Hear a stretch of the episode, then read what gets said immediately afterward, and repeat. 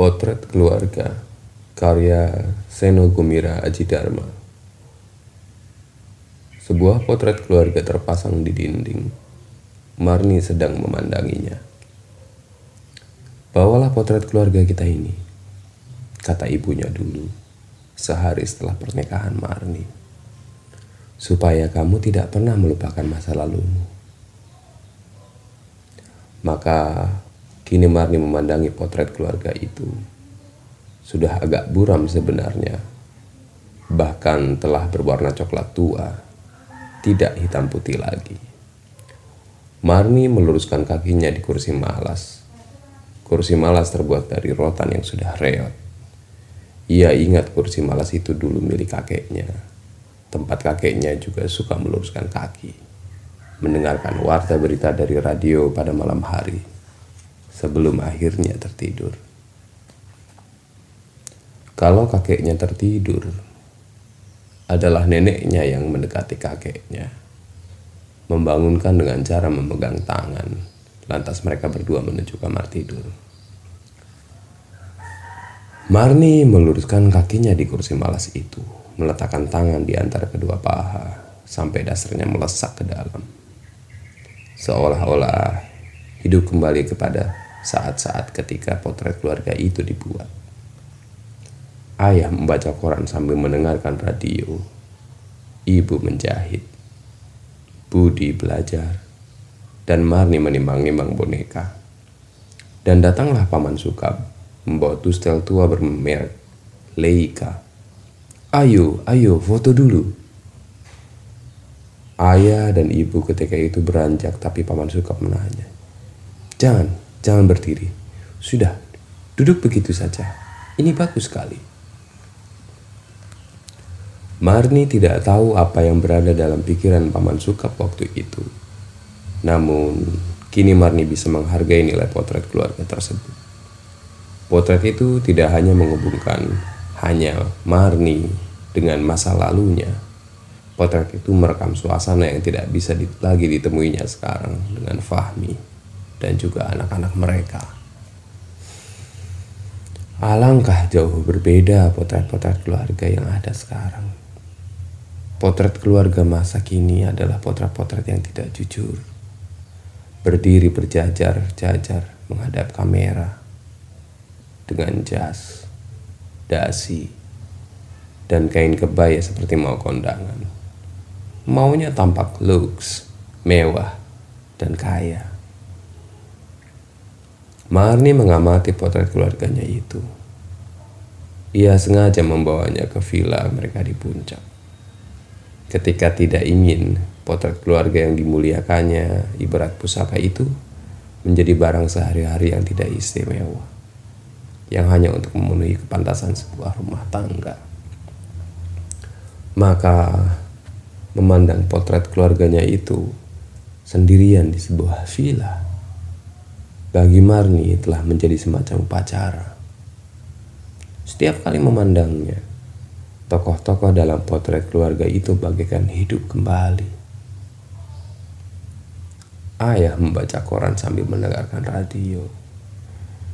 Ibu menjahit, Budi belajar, dan dirinya sendiri menimang-nimang boneka. Aneh sekali. Ayah mengenakan piyama, tapi juga mengenakan peci. Mari tidak mengerti apakah hal itu lazim atau tidak.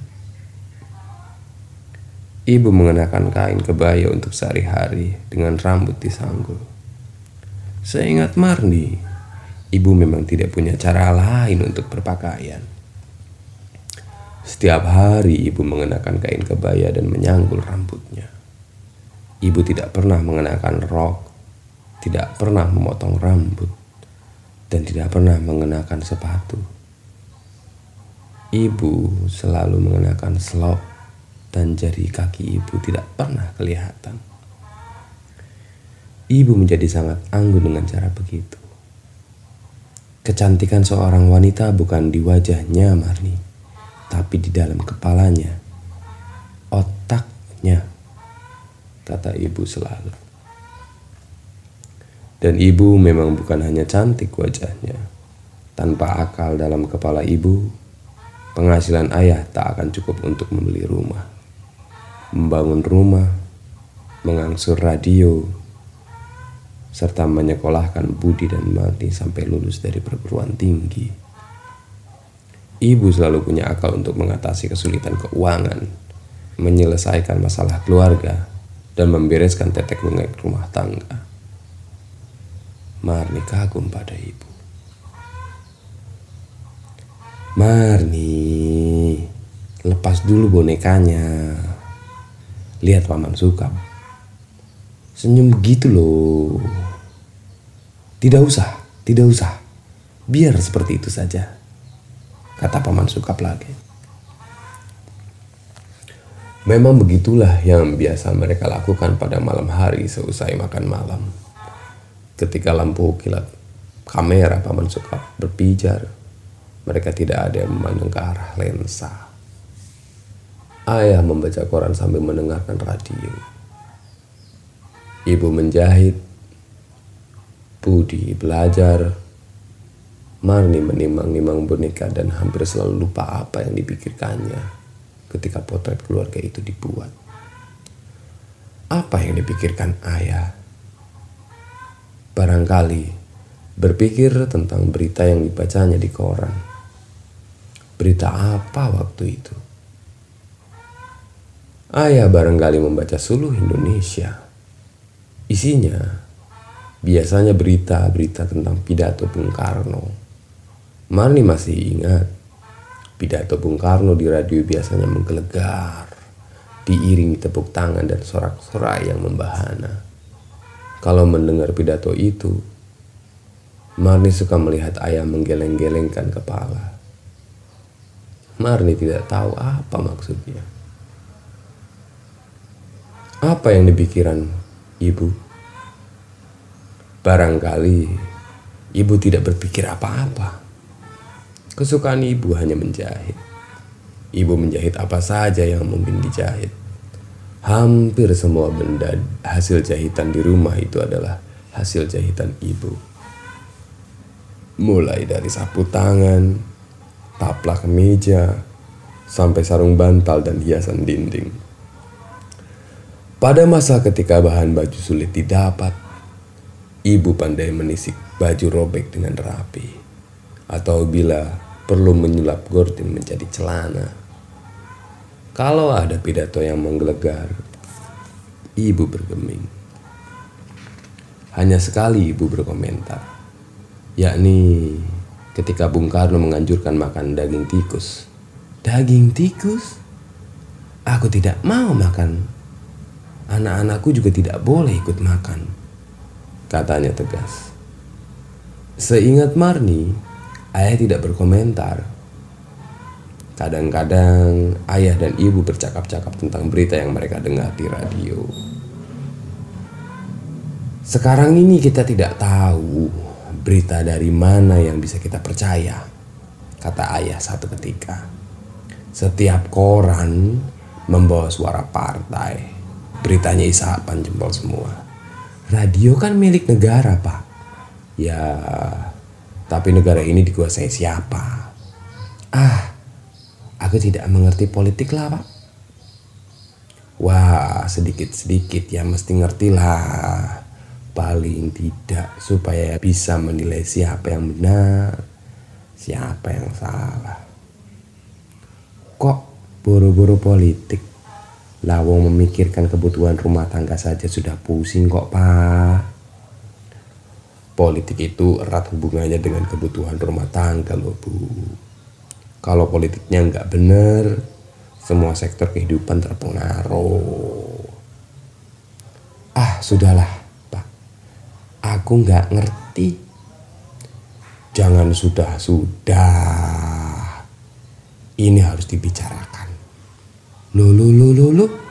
Kok jadi semangat, Pak? Awas lo, nanti darah tinggimu nanti itu kumat. Begitulah ibu selalu tenang dan melayani. Tapi bisa mengendalikan ayah. Marni selalu terkenang bagaimana ibu suka mengajari lagu dolanan bila sedang menikmati angin sore yang sepoi-sepoi pada amben di depan rumahnya. Kecili aku mimpi dadi Harendra Bentino plesir-plesir nungkang kereta Kretone kereta kencana Marni teringat Budi senang sekali menyanyikan lagu itu Ke manakah Budi sekarang? Marni menghela nafas. Dalam potret itu Budi terlihat sedang mengerjakan PR-nya di lantai. Sudah berkali-kali ibu bilang kalau menulis di meja saja, tapi Budi tidak pernah mau. Enak di sini, ujarnya dengan kaku. Budi memang tidak banyak bicara. Kerjanya hanya belajar dan suka sekali membaca. Budi sayang sekali pada Marni, tapi ia tidak bisa bermain-main seperti Marni. Wajah Budi di gambar itu sebenarnya tidak terlalu jelas, karena hanya terlihat dari samping, sedang menunduk pula tenggelam oleh soal-soal yang sedang digarapnya. Di manakah Budi sekarang? Marni melihat keluar jendela. Lampu kerlap-kerlip terlihat dari ratusan villa. Namun selebihnya hanya kegelapan malam dan dingin malam. Budi yang begitu tenang, Budi yang begitu patuh dan tekun. Kenapa mendadak berubah begitu garang? Marni merasa dadanya berdesir. Tiba-tiba ia merasa kehilangan sesuatu. Budi. Budi. Marni berbisik lirik. Aku tidak mau pulang ke Indonesia, kata Budi di telepon dulu itu. Aku tidak mau hidup di negeri seperti itu. Tapi ini negeri kita, rumah kita, rumahmu, bukan rumahku. Mana rumahmu? Kebebasan, Budi. Kamu jangan mimpi. Aku tidak mimpi, aku berjuang. Marni memandang Budi yang kecil. Di mana dia sekarang? menjadi pengembara politik tidaklah selalu menyenangkan. Marni kadang menerima kiriman kartu posnya selalu dari tempat yang berbeda-beda.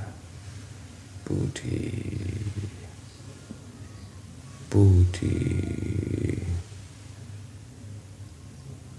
Bahkan Budi tidak berani menghadiri pemakaman ayah dan ibu. Aku tidak mau ditangkap di airport dan menekam di penjara tanpa pengadilan. Budi, kamu terlalu penuh dengan prasangka. Negeri ini tidak seburuk yang kamu pikir. Marni menjadi sedih kini. Kemarin-kemarin, ia selalu hanya terkenang Budi di masa anak-anak. Budi yang mengajarinya bermain yoyo dan melindunginya dari anak-anak jahil dari kampung sebelah. Ah, kenapa peristiwa yang sudah dihapus dari disket kenangan kita bisa nyelonong begitu saja dengan leluasa? Potret keluarga itu terletak di dinding di antara potret-potret keluarga yang lain. Marni melihat dirinya yang lain juga di dinding itu.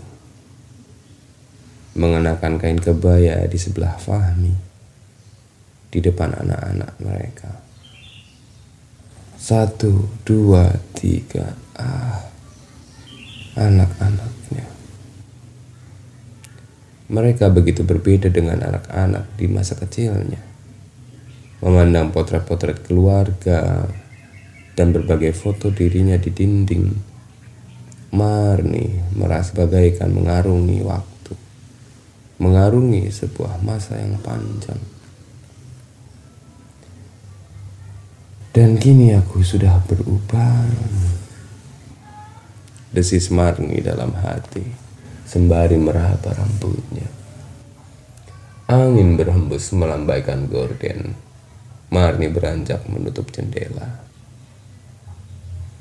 Setelah itu ia mendekati dinding Mau mematikan lampu Sebelum mematikan lampu Terpandang sekali lagi potret keluarganya yang berwarna coklat tua Agak menguning Tapi sangat terpelihara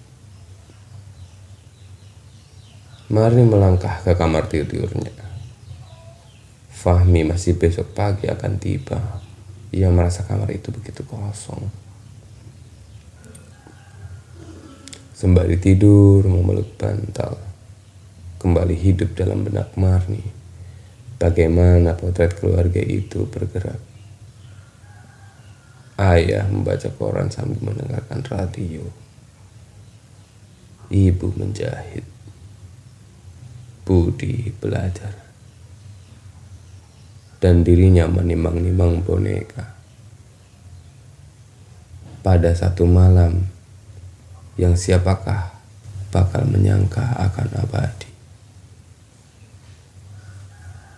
Jakarta, 25 Juli 1994